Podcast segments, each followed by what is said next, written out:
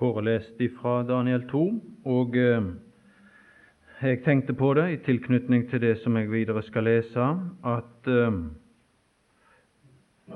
det er en eh, lykkelig og skulle være en oppmuntrende sannhet, dette. At det er en Gud i himmelen som åpenbarer hemmeligheter. Ikke bare sånn rent generelt at Gud er i full besittelse og kjennskap til enhver ting som for oss er ukjent. Det slås fast der i det 22. vers i Daniel 2. Han åpenbarer det dype og skjulte. Han vet hva som er i mørket. Hos ham bor lyset. Så altså ingen avdelinger, ingen forhold er utenfor rekkevidden av det han kan observere og innta. Det er nei, sier saken. Men det, det er vidunderlig, dette som uh, sies i det 18. vers, at han i sin barmhjertighet ville åpenbare denne hemmelighet. At han ikke bare er i stand til det, men at han i sin barmhjertighet ville gå til det skritt og gjøre meg og deg kjent med hemmeligheten. Og litt lenger nede så står det dette at Daniel kan si ikke bare at Gud har hemmeligheten og kjenner den, men han sier i det 23. vers Deg, mine fedres Gud, takker og priser jeg fordi du har gitt meg visdom og styrke, og nu har kunngjort meg hva vi ba deg om. Så det er ikke emne for bønn lenger. Det er emne for lovprisning her, og det er emne for takk, og det skulle være for oss.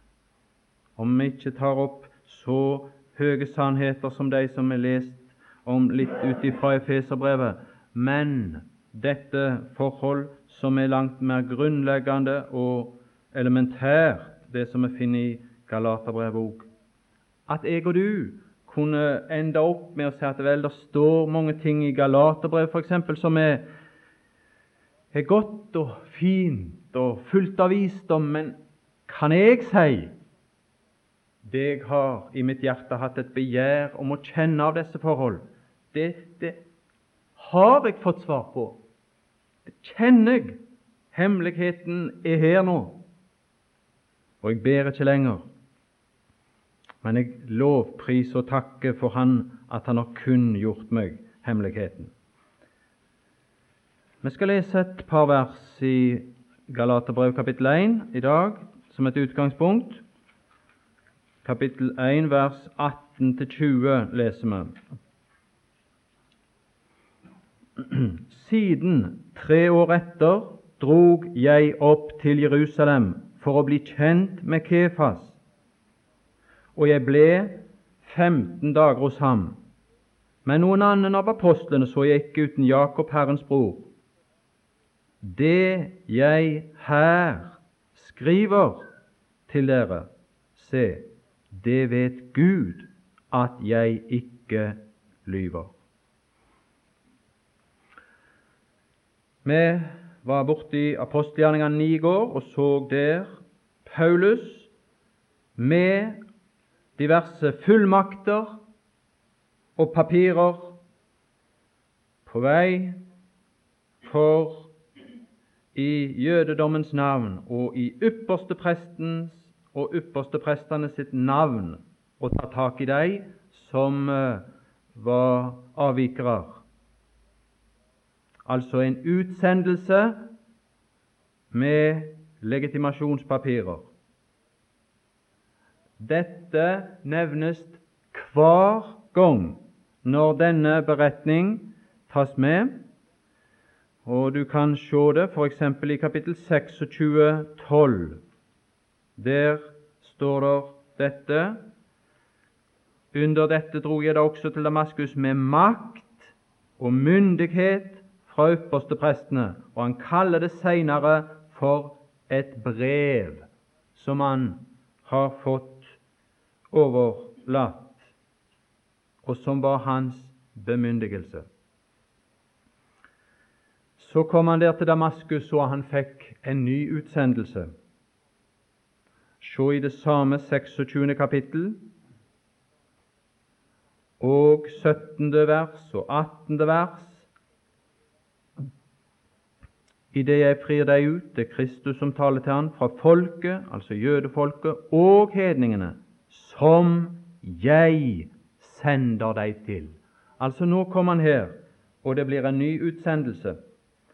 Og Poenget er dette Er det rimelig å anta at han var mindre nøyeregnende med sin bemyndigelse til denne utsendelse? At han var mindre ivrige at papirene skulle være i orden, om du vil, for at dette var en sann, ekte, direkte fra Herren gitt utsendelse og at han nå var utstyrt med en bemyndigelse ikke fra dess ypperste prester, men ifra den ypperste prest som talte til han ifra himmelen, ifra herligheten. Det er dette jeg tror apostelen er opptatt av der i Galaterbrevet 1, at han prøver å i dag innlegge sin tjenestes bemyndigelse. Og det er et veldig grunnleggende spørsmål. Når den Herre Jesus kom inn i Jerusalem, så husker vi at de spurte med hva myndighet gjør du dette? Hvorfra har du din myndighet? Og han spurte de da et gjenspørsmål som satte dem på plass. Men ny utsendelse, og han har sin myndighet som han avleder direkte fra Herren og Hans munn. Og han har nå et budskap som vi ser i apostelgjerningene 9, som er akkurat en bekreftelse av det som yppersteprestene i Jerusalem hadde nekta for. Når spørsmålet ble stilt er du Messias, Guds sønn, og den Herre Jesus svarte at det var han. Og da hadde de nok grunnlag, mente de, å dømme han for. Nå er Paulus sendt ifra den himmelske ypperste prest og hans budskap er at han er Guds sønn, i det 20. vers i apostelgjerningene 9, og han er Messias i det 22. vers. Utsendt med dette nye budskap. Altså, disse tre versene som er lest fra Galaterbrevet kapittel 1, de tror jeg tar for seg dette og videre skal grunngi og bevise at han har en tjeneste som er uavhengig av de tolv. Og Så tar han da i den tilknytning eh, opp eh, omstendighetene rundt sitt første møte med disse og første besøk i Jerusalem. Vi leste i apostelgjerningene 9 at han for ut av Damaskus på en nedverdigende måte, kanskje for han rent personlig, idet han måtte fires ut gjennom muren på grunn av forfølgelse. Men når vi nå leser Galaterbrevet kapittel 1 vers 18, så ser vi at det, det var ikke den hendelse at han ble forfulgt i Damaskus som gjorde at han drog til Jerusalem. Nei, han hadde et helt bestemt og spesielt mål for øye med denne reise. Siden tre år etter. Og det står tydelig i kontrast til det straks som eh, er i det 17. vers. Så lang tid etter så drog han opp til Jerusalem, og hensikten med reisen var kjent for å bli kjent med Kefas. Det var det det gikk ut på, som en likemann ikke for å bli instruert, ikke for å bli, for å bli undervist, ikke for å motta autoritet eller utsendelse, for det hadde han mottatt, og han hadde mottatt det direkte fra Herren. Så her ser vi altså begrunnelsen for reisen opp til Jerusalem for å bli kjent med Kefas. Og i tillegg så er besøkets opphold og, og varighet gitt her i tillegg for å understreke liksom et kort besøk.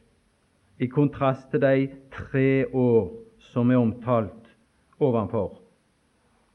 Og vi så jo allerede i apostelgjerningene at han umiddelbart etter sin omvendelse talte og lærte evangeliet i Damaskus. Se i apostelgjerningene 9, 27. Jeg tar dette sånn litt utførlig, og kanskje så synes den ikke det er så direkte oppbyggelig, men det er utrolig viktig å se at de bibelske fakta, de historisk til grunnleggende fakta, stemmer med det læremessige grunnlag, som da er langt tryggere å forlate seg på. 9.27, siste del, hvorledes han i Damaskus hadde lært, og det er til og med frimodig, i Jesu navn. Så det var jo litt seint da å dra opp tre år etter og utspørre seg autoritet for en tjeneste som hadde pågått over lang tid. Så det er det aldeles ikke snakk om. At det kunne versere rykter om hva mon tru dette Jerusalems oppholdet hadde inneholdt, det ser vi av det 20. vers, og skal komme tilbake til litt senere. Men han hadde altså avstått frivillig i tre år med å søke kontakt med de som var i Jerusalem. Og det viser klart hans uavhengighet. For å bli kjent med Kefas. Ja vel, så satt han vel og ble undervist hele dagen der nede i Jerusalem, da. For, for han han måtte jo lære dette å kjenne. Nei, hvis du nå ser igjen i apostelgjerningene 9 Det blir å veksle litt mellom disse to stedene her til å begynne med. Så ser vi at, eh, at så ikke var tilfellet. Se i det 28. vers, altså apostelgjerningene 9, 28. Han hadde lært i Damaskus, og nå, etter at han hadde blitt mottatt der i Jerusalem, så står det at han gikk ut og inn med dem i Jerusalem. Han sa ikke inne, altså, men han hadde fri omgang i samfunn med disse brødre som fantes i Jerusalem. Og så står det at han sjøl var opptatt med å lære og undervise i Jerusalem, og lærte frimodig i Herrens navn. Og frimodigheten hadde ikke blitt svekka av jødenes bestrebelser i Damaskus den vanærende utgang og den vanskelige inngang. Og jeg synes det er noe å tenke på denne mann.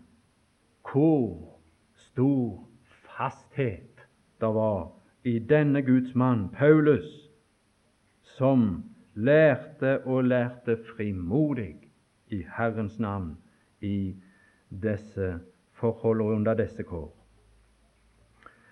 Det var nokså seint, altså, å rådspørre seg de andre apostlene med hensyn til den åpenbarelse han sjøl hadde fått tre år forut. Og Det er det, det, jeg tror er tanken i Galaterbrevet 1 når dette dras fram. Han hadde fått det, som vi har lest tidligere, direkte fra Herrens munn. Og det holdt han fast ved. Og det er uendelig, av uendelig stor viktighet for meg personlig at det foregår på samme vis. Nå, nå er ikke jeg noen åpenbaringsbærer, men åpenbaringen er kjent og tilgjengelig. Spørsmålet er hvor stor grad av det har kommet inn i mitt hjerte. Ikke det at det går i sammen med noen som jeg har stor tillit til, og nær respekt for, og som jeg hører sier mener det og det, og derfor er det vel sannsynlig at det der må jeg tro jeg òg, da. Eller at jeg vet om mange gode menn i en tidligere tid som har meint eller sagt så og så. Ja, godt og vel det, og det skulle tilskynde oss det, men jeg tror det må bli sånn i vårt tilfelle òg, enkeltvis, som det står om i Johannesevangeliet, det fjerde kapittel og 42. vers.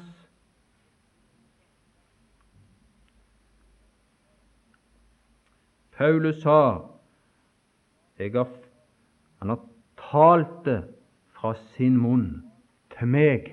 Jeg har ikke hørt det via omveier. Jeg måtte ikke opp til Jerusalem for å innhente disse ting. Han har talt med sin munn til meg. Vi har stått ansikt til ansikt, og jeg har fått hans tale direkte, så jeg vet hva jeg snakker om. Og det, det er vidunderlig. Og tenk da i disse guddommelige spørsmål, i disse usynlige ting. Én ting er et menneske og det det måtte si og ikke si. Men her i dette avgjørende spørsmål Og de sa til kvinnen, 42, nå tror vi ikke lenger for din tales skyld. Og det var en god ting at ei hadde kommet som et redskap fra Herren og talt til dem. Og det er stort. Er det ikke det som har ført oss til tro at noen har kommet inn som et redskap i vårt liv? Av Herren, brukt av Herren. Men du, det er noe å føres til allikevel. Og det er noe annet til tro du har i ditt hjerte, om du kan si sånn som disse sier. Nå tror vi ikke lenger. Det gjorde vi altså. For din tales skyld, for vi har selv hørt. Det er avgjørende. Vi har selv hørt. Og Da diskuterer du ikke lenger. Da er saken klar. Og vi vet nå ja. Og da er saken klar.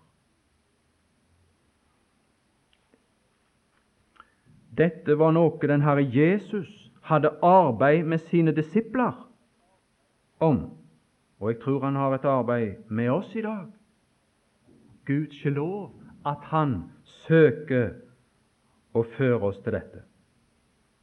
Se bare i Johannes evangeliet, det 17. kapittel, og eh, det 20. vers kan vi bare lese.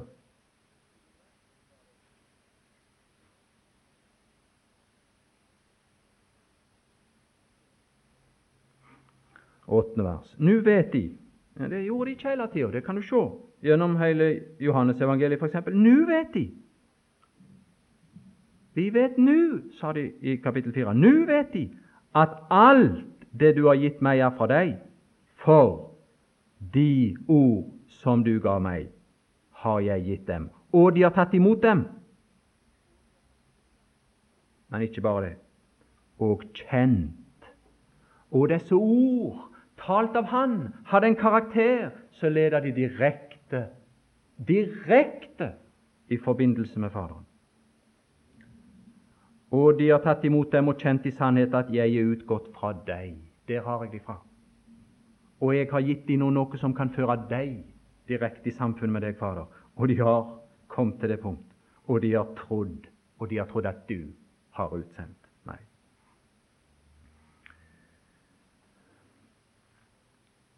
Ja vel, det, det, det synes jeg er en lærdom, en praktisk lærdom, en grunnleggende lærdom, som gjør at denne bok òg ikke bare blir ei bok, ikke at profetene har talt eller så, men etter at Gud får det, står det i det som ble lest opp i går, for dem har talt.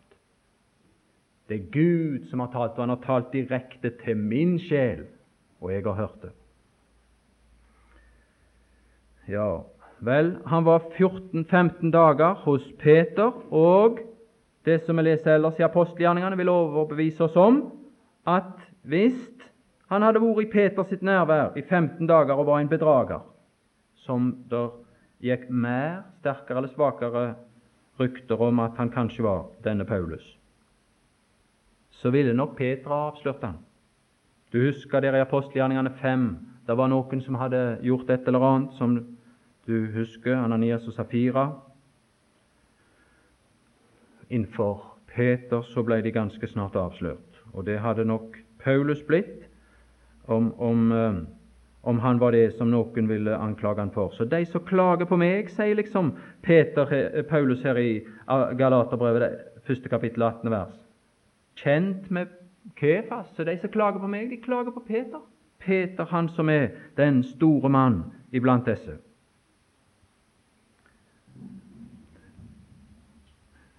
Men la oss uh, se litt mer omkring disse, dette opphold. For han hadde litt vanskelig med å komme inn iblant de der. La oss se igjen i apostelgjerningene 9. Og Det må ha vært en hard begynnelse for Paulus. Det må ha vært en hard begynnelse. Og Jeg hadde det i tankene når jeg understrekte frimodig i det 29. vers. Men altså apostelgjerningene 9, 26. Da han nu kom til Jerusalem, søkte han å holde seg nær til disiplene, og de fryktet alle for ham. For de trodde ikke at han var noen disippel. Her hadde han nettopp unnsluppet forfølgelse i Damaskus fra jødene. Så kommer han til Jerusalem, og at fariseerne ikke ville ha med han å gjøre, og yppersteprestene ikke vil ha med han å gjøre, det kan vi forstå. Men du som møtte han store vanskeligheter med å komme inn blant disiplene i Jerusalem. Det må ha vært en hard og vanskelig ting for Paulus. Men det var en som kom han til hjelp, og det var Barnabas. Som vi ser, Men Barnabas tok seg av ham og førte ham til apostlene. Og Jeg eh, prøvde å si i går at det var nok det beste Barnabas kunne føre til apostlenes føtter. I det fjerde kapittel så har han lagt penger der ved salg av en eiendom, men du, her førte han noe til apostlenes føtter av en rikdom og en verdi i en person som hadde fått åpenbarelser ifra Gud. Og det var en stor ting. Men så kunne vi stille spørsmålet hvorfor mon tro var det at Barnabas var i stand til å gjøre dette, og ikke de andre? Jeg tror at grunnen til det hele finner vi sikkert i det ellevte kapittel i apostelgjerningene. Der står det noe som eh, som jeg tror eh, begrunnes noe i Barnabas person. Jeg vil eh, gjerne, før jeg leser akkurat de versene, si litt om sammenhengen i det ellevte kapittel. For hva er det nå som har skjedd? Nå er det gått et skritt videre. Nå har Peter offisielt gått inn til en hedning og talt evangeliet offisielt til Kornelius. Men nå ser vi igjen den samme trangsynte treghet i Jerusalem. De gikk i rette med han, står det. Du kan lese det i begynnelsen av det ellevte kapittel. De omskårne, disse gikk i rette med Peter og, og, og anklagde han her. Og Peter må redegjøre for sin framgangsmåte og rettferdiggjøre den. Og han avslutter og konkluderer i det 17. vers med dette gav nu altså Gud dem den samme gave som han gav oss, da de var kommet til troen på den Herre Jesus Kristus. Hvem var da vel jeg, at jeg skulle være i stand til å hindre Gud? Men her var det altså en iver etter å hindre Gud til å bevege seg ut med sitt gode budskap til hedninger. I Jerusalem var det manglende sympati for Guds videre gang og evangeliets marsj utad. Men så kommer det en beretning. Og den bringer for dagen en person som var av et annet sinn. Som ikke var i sitt hjerte så sammentrengt av disse jødiske trangsynte fordommer mot Guds handling og videre gang, men du ser i det 22. vers etter at det hadde skjedd i Antiokia, så står det denne tiende kom da menigheten i Jerusalem for øre. Hvor mange var der med et sinn i sympati med Guds nye gjerning i dag? Og de sendte Barnabas. Han var i sympati med disse ting. Han hadde et hjerte som slo i takt med Guds hjerte. Og Han ble sendt for å dra til Antiokia, og da han kom dit og så Guds nåde, gledet han seg. Å, det var en innstilling enn den som gikk i rette med, med Peter når disse ting begynte å skje. Og han formante alle at de med hjertets forsøk skulle holde fast ved Herren, ikke noe mer. Og så kommer begrunnelsen for at han gjorde det, og for at han gleda seg. Og det er der en lærdom i, synes jeg, for han var en god mann. Og så står det det som også var tilfellet med Peter, og full av Den hellige ånd og tro. Og så kommer det videre resultater ut av dette. Men du, begrunnelsen til at han var fullt ut i sympati med Guds nye gjerning og utvidelsen av Guds nåde som nå var brakt òg til hedningene, det var dette, for han var en god mann. Hva slags mann er jeg og du? For han var en god mann, og den godhet gav seg utslag òg nok i det 25. verset nedover. Ja, ja han, han, var av et fint sinnelag, denne mannen. Han drog da ut til Tarsus og oppsøkte Paulus, og så fikk han han på banen igjen for andre gang.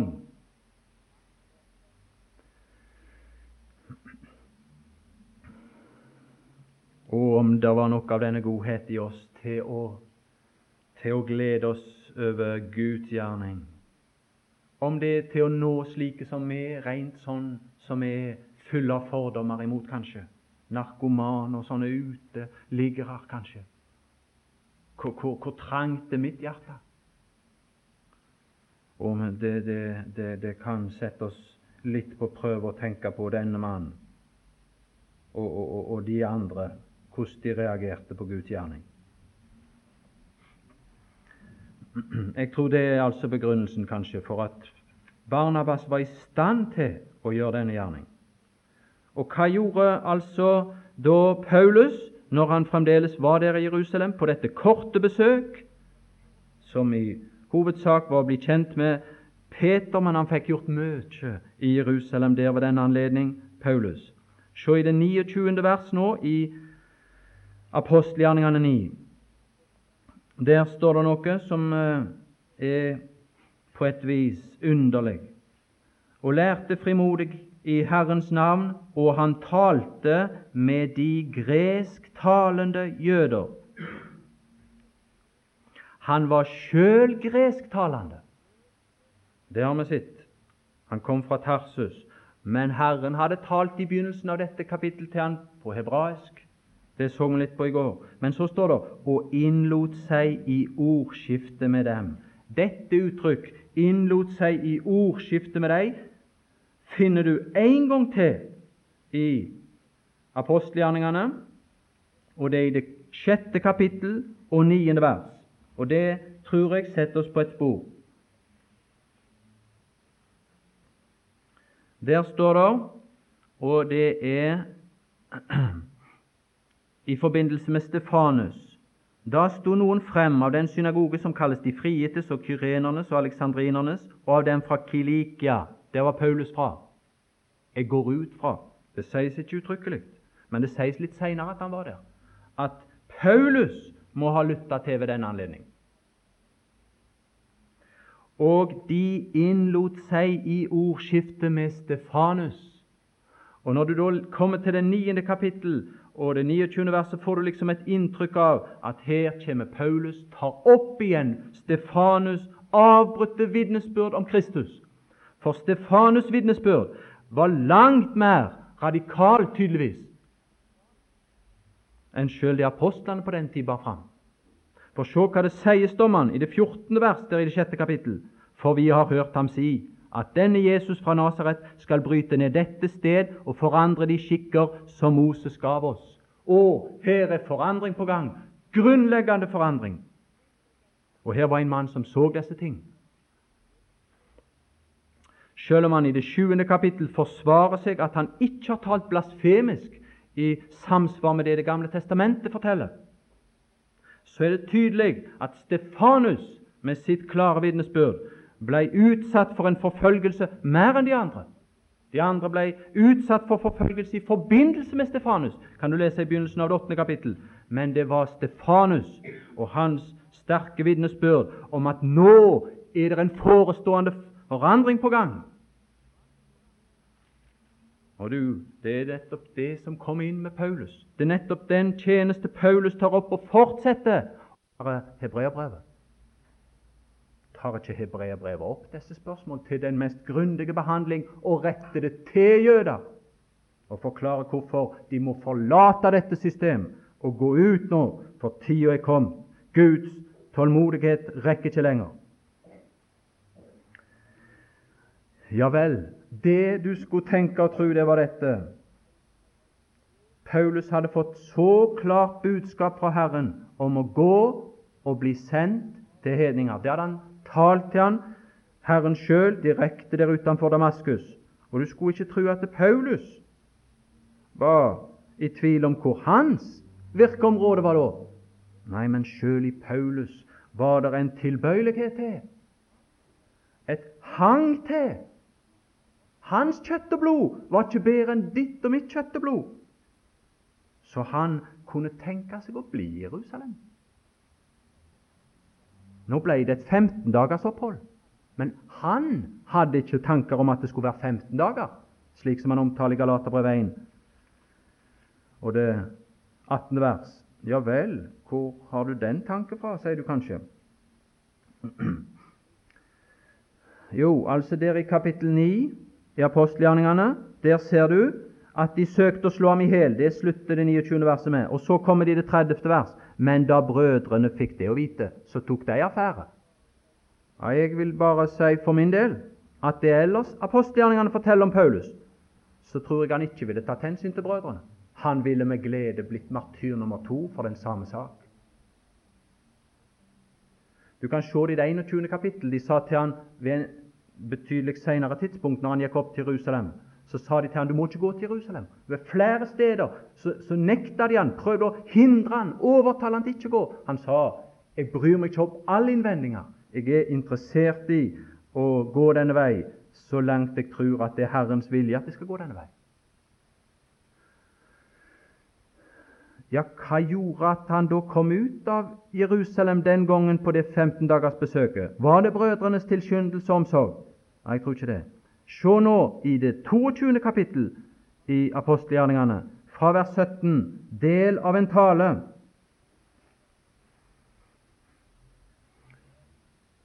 Og der er det, og uten det så tror jeg Paulus som sagt hadde blitt, og han hadde blitt myrda.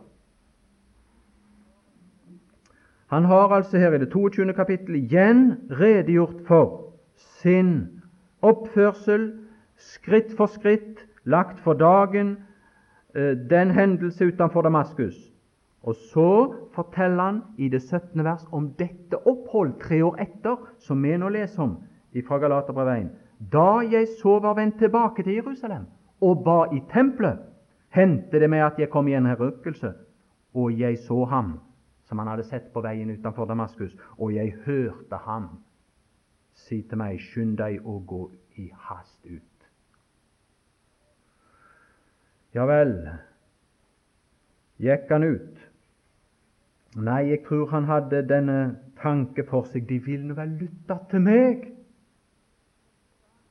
Hans forstand og hans gode innstilling gjorde nok dette klart for han at det er klart de vil lytte til meg. Her kan jeg legge for dagen håndfaste bevis. Se det 19. vers. Da sa jeg Herre. Han protesterte her, altså. Han hadde innvendinger imot Herrens videre vei med han. Herre, de vet selv at jeg kastet i fengsel. Min omvendelse må ha en overnaturlig, guddommelig begrunnelse. Jeg var den mest nykjære på deres side, som jeg nå taler til. De vet selv det er ikke noe jeg må fortelle dem som de ikke vet. De vet det sjøl. Sterkere vitnesbyrd kunne han ikke bringe til dem. Og hud strøk rundt om i synagogene dem som trodde på deg, og da blodet av Stefanus Her tar han det opp igjen. Ditt vitne ble ugitt, sto også jeg og samtykte i det og tok vare på klærne til dem som slo ham i hjel. Noe annet enn et guddommelig inngrep kan ikke være årsak til at jeg nå taler på annet vis.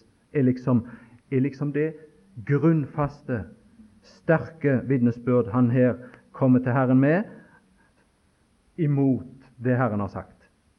Men så kommer det i det 21. verset, og han sa til meg, dra ut. Dra ut. Herren måtte gjenta det, og da ser vi at han drog ut. Og brødrene tilskyndte han, som vi så i det 9. kapittel.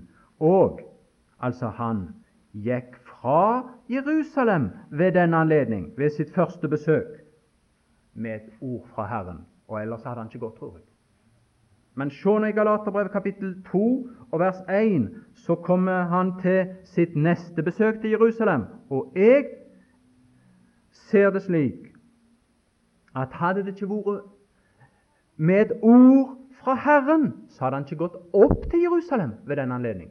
Hvis du leser apostelgjerningene 15, så vil du se at brødrene tilskyndet han til å gå òg den gang.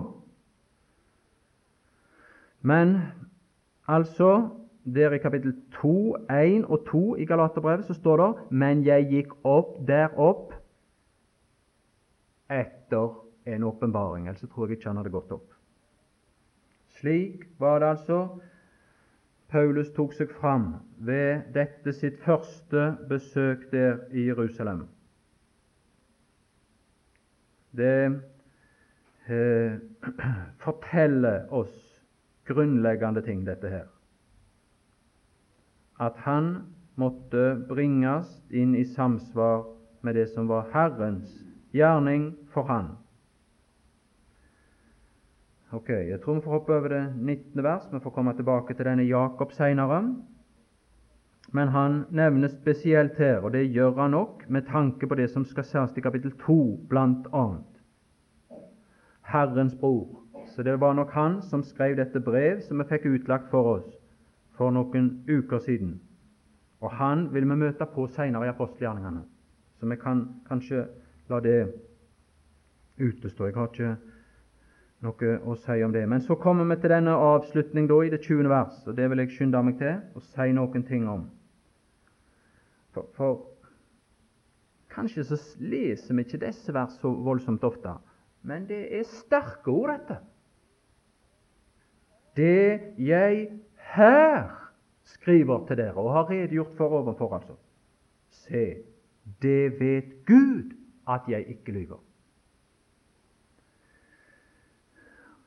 Og det synes meg klart at det er en underliggende anklage mot Paulus i dette, når Paulus ikke bare må si en ting, men han må avlegge ed på den ting.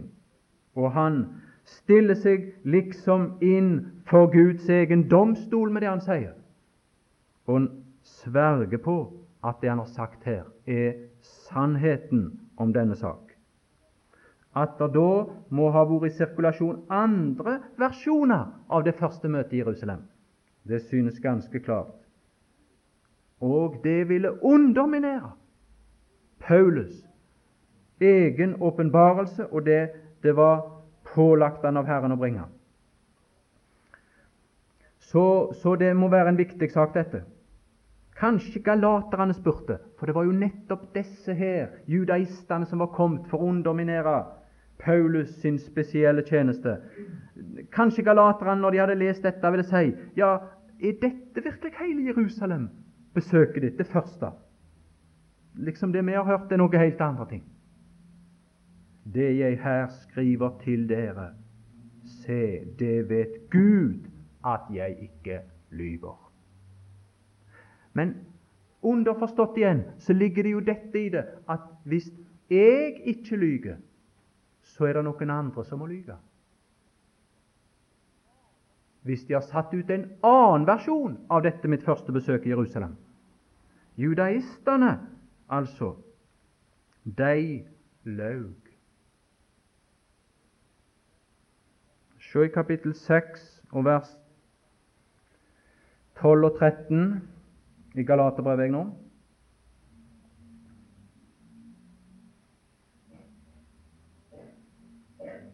I loven så står det jo 'du skal ikke lyve'. Å, disse var ivrige for lovens ord og bokstav. Men se nå i det tolvte vers der i det sjette kapittel. Så mange som vil ta seg godt ut. Hva betyr det? Hva betyr det å ta seg godt ut? Altså, Det, det, det innebærer vel noe bedre enn det liksom som virkeligheten tilsier. Er ikke det hykleri? Er ikke det løgn? Er ikke der svik? Så mange som vil ta seg godt ut i kjødet. Disse er de som tvinger dere til å la dere omskjære, bare for ikke å bli forfulgt for Kristi Korses skyld. Og så kommer begrunnelsen i det 13. vers, for ikke engang de som lar seg omskjære, holder selv loven. Nei, det er faktisk enda et skritt verre, og det tar han opp ved andre anledninger, men jeg tar det bare i et sammendrag nå. Judaismen fremmer, avler hykleri og løgn. Det er en grov påstand, men jeg tror vi skal finne den bekreftet senere utgjennom i Galaterbrevet òg, og jeg skal ikke ta tid til nå å lese dem. Men la oss bare lese noen ord. Kapittel 2 i Galaterbrevet, vers 4. Og det er fordi falske brødres falske psevdo det har med løgn og falskhet å gjøre. For disse, femte vers, vek vi ikke et øyeblikk i ettergivenhet for at evangeliets sannhet kunne stå fast. 14. vers. Men da vi så at de ikke gikk rett frem etter evangeliets sannhet Og du vil se i versen opp forbi at det var hykleri. Vers 13. Å, oh, det, det er farlige krefter, dette her. Det farlige krefter. Se i det femte kapittel og sjuende vers.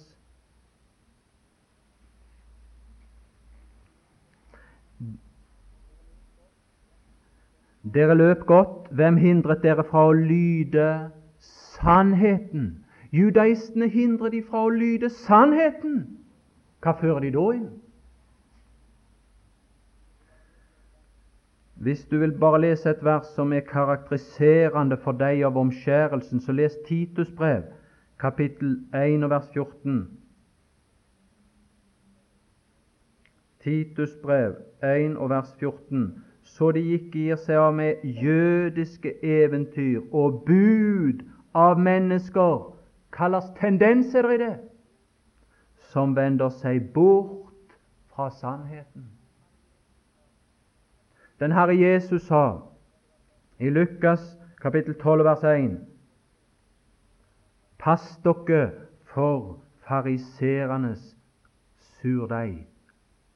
Her, her, er det noen ødeleggende krefter som, som vitter om seg, som eser. Hva er det? Hykleri. Hykleri. Jeg kjenner det sjøl, jeg. jeg. At jeg har lest i Skriften om at det, at det fremmer hykleri, og det fremmer løgn. Jeg husker i mine unge år som en troende hvor jeg, jeg kjente det var ting her inne som var ganske stygge.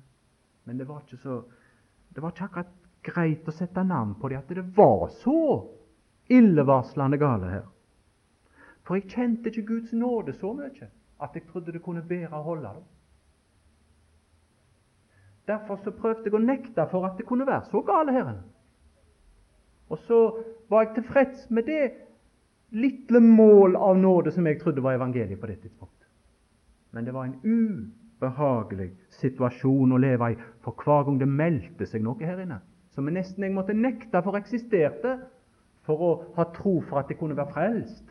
For hvis jeg var så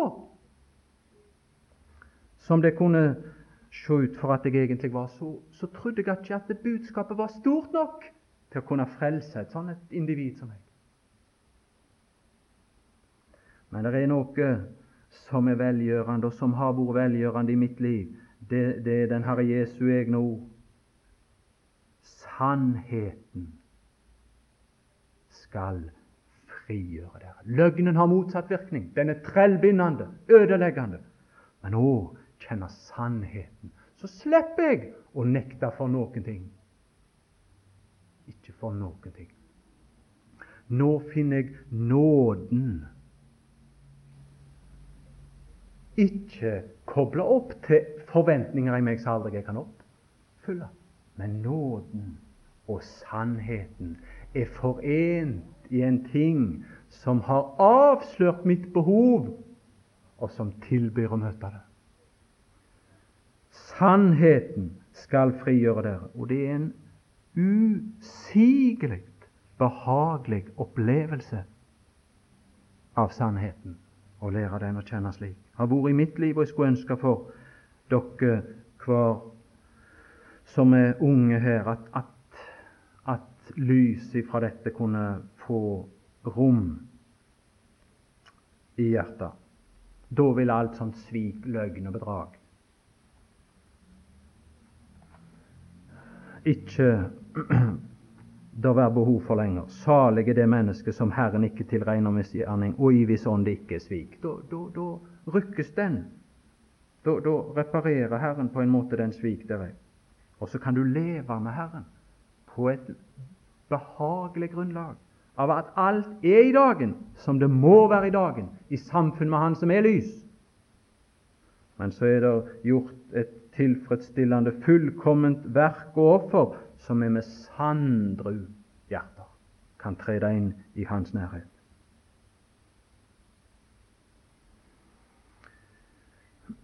Ja, jeg vet ikke om jeg skal si mer om akkurat det nå. Men jeg sa det var en ed. Det var en ed Paulus svor i det første kapittelet, det 20. vers. Og det er en ed til i Galaterbrevet. Jeg vet ikke om du har oppdaga hvor den er.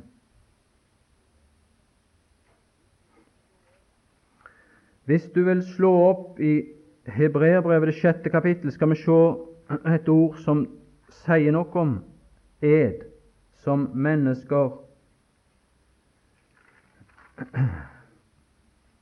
bruker, og hvorfor de bruker det. 16. vers. For mennesker sverger jo ved den større. De innanker liksom sin sak innenfor en større for Gud og eden er dem en ende på all motsigelse. Ja, det var det som skulle være hensikten òg der i Galaterbrevet 1, at det skulle bli ende på disse innsigelser om dette mitt besøk i Jerusalem, til stadfestelse. Og så kommer da den vidunderlige opplysning videre her nede i Hebreerbrevet. Det skulle være nok at Gud har sagt en ting. Men det er ikke nok for meg og deg. Vi er så fulle av tvil. Vi har sånne store vanskeligheter med å nær sagt tro Gud, at Gud kommer oss i møte i vår svakhet, til å tro Han på sitt ord. Han til og med gir løfter. Det skulle ikke være nødvendig for Gud. Han skulle kunne bare si en ting, og så tok vi det. Men han, men han, har sagt 'Jeg lover dere så og så'. Liksom for nær sagt å gå enda et skritt nærmere oss i møte, men han går enda lenger enn det. Han sverger på at det er sant, sånn at det, det er dobbelt sant. For det er usvikelig sant, det Herren har sagt. Bare Han har sagt det, er det garanti nok for oppfyllelse. Men vi tror det ikke. Og så går Han oss i møte. og Det, det, det er nåde. Over alt du skulle kunne forvente oss en Gud Derfor står det i det 17. vers derfor da Gud enn mer. Altså, Det var ikke nok for Gud, for han så at vi hadde så vanskeligheter med å kunne tilegne oss det.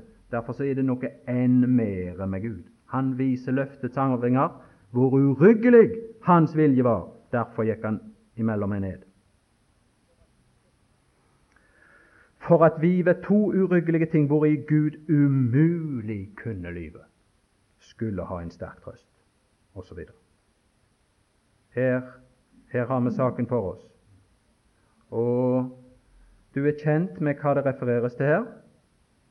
Se fra det 12. Verset, 13. verset nedover, altså i Hebrevet 6.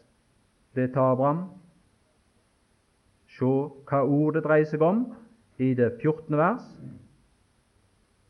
Og så har Gud svoret på dette. Tilsvarende så finner vi at Paulus kalte Gud til vitne for sin sjel i Galaterbrev kapittel 1. Og det samme med korinterne. De var òg slike som hadde problemer med Paulus. Og jeg tror kanskje at vi er i samme båt. Er vi ikke det? Det er en treghet hos oss til å tilegne oss Paulus' spesielle tjeneste og vitnesbyrd. Hadde de kjent Paulus, de i Galatia, hadde de kjent Paulus i Korint, så hadde de ikke tvunget han til å måtte avlegge ed på at det han sa, var sant. Du ser det i 2. Korinterbrev, kapittel 1, vers 23. Men jeg kaller Gud til vitne for min sjel, osv. Han, han avlegger ed på det. De, de mente han var lektsindig. han var en vank, vaklende mann, denne. De hadde ikke tillit til det han hadde sagt. Men altså Gud er slik at når, når, når det er manglende og svakhet på vår side, så kommer han oss i møte, og Paulus hadde lært oss denne Gud. Han hadde lært oss denne Gud og, og går et stykke i retning av å imøtekomme vår svakhet.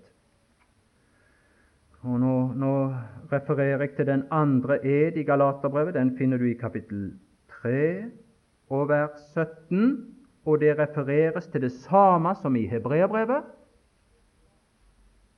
Og der kommer da denne tanken. Er dette da min mening en pakt som forut er stadfestet? Eden er en ende på all motsigelse til stadfestelse. Gud har svoret på disse ting for å imøtekomme løftets arvinger som er så trege til å tro.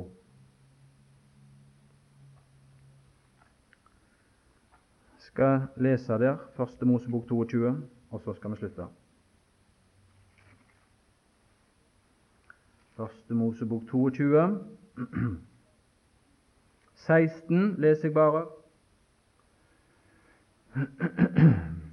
Og det er disse ting det refereres til i Hebreerbrevet og i Galaterbrevet. Og sa, ved meg selv sverger jeg, sier Herren vidunderlige Herre. Og jeg vil si i tillegg Gud lærte apostel, som søker å være imøtekommende med oss som har så vanskelig for å ta inn disse ting. Så ser du hvor Abraham gikk da. 19. vers. Etter eden var kommet.